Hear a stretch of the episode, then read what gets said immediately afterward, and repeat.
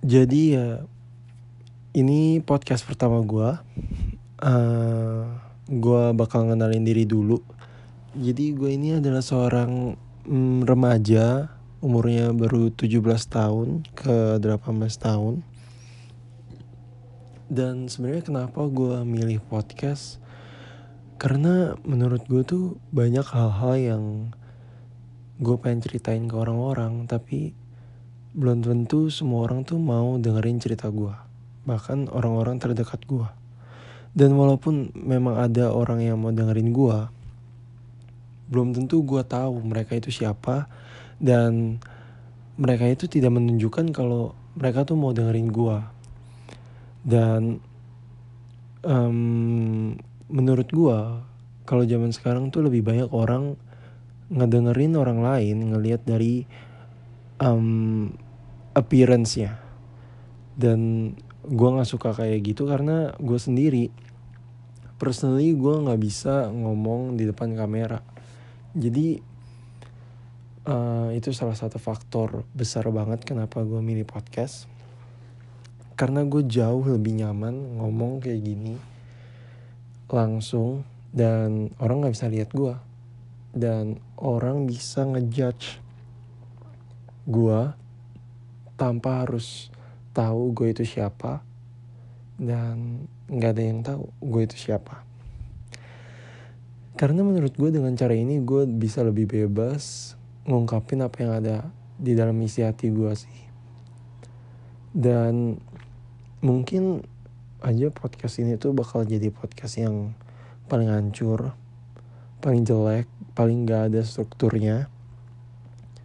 Karena emang gue cuma pakai ini sebagai media buat gue keluarin isi hati aja sih. Hmm, kalau lu pada pengen dengerin ya gue seneng dan gue pengen banget kayak bagi-bagi cerita gitu. Jadi kayak buat lu pada yang dengerin dan punya hal yang sama kayak yang gue rasain ya bisa langsung aja kontak gue atau DM di Instagram karena menurut gue itu tuh kayak berharga banget. Kayak gue bisa dapet teman baru walaupun lu gak tahu gue siapa. Tapi seenggaknya gue bisa tahu masa lalu dan mungkin gue bisa kayak dengerin dan jadi teman curhat. Gue bersedia banget sih.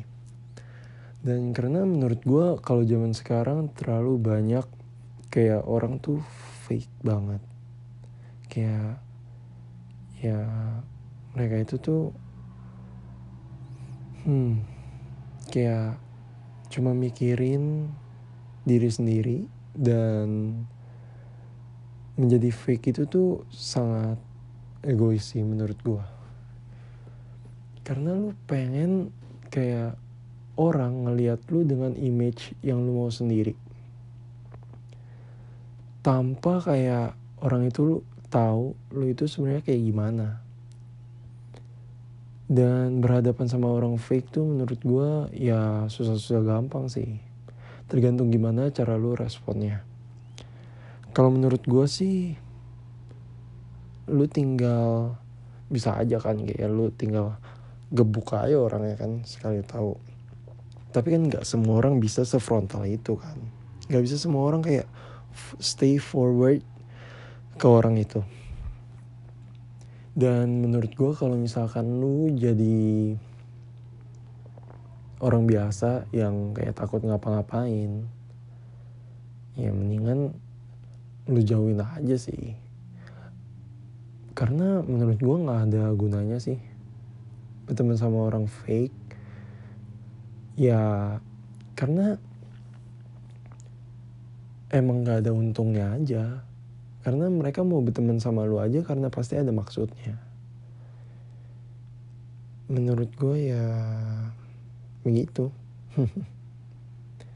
Emang parah banget aja gue. Oke. Okay.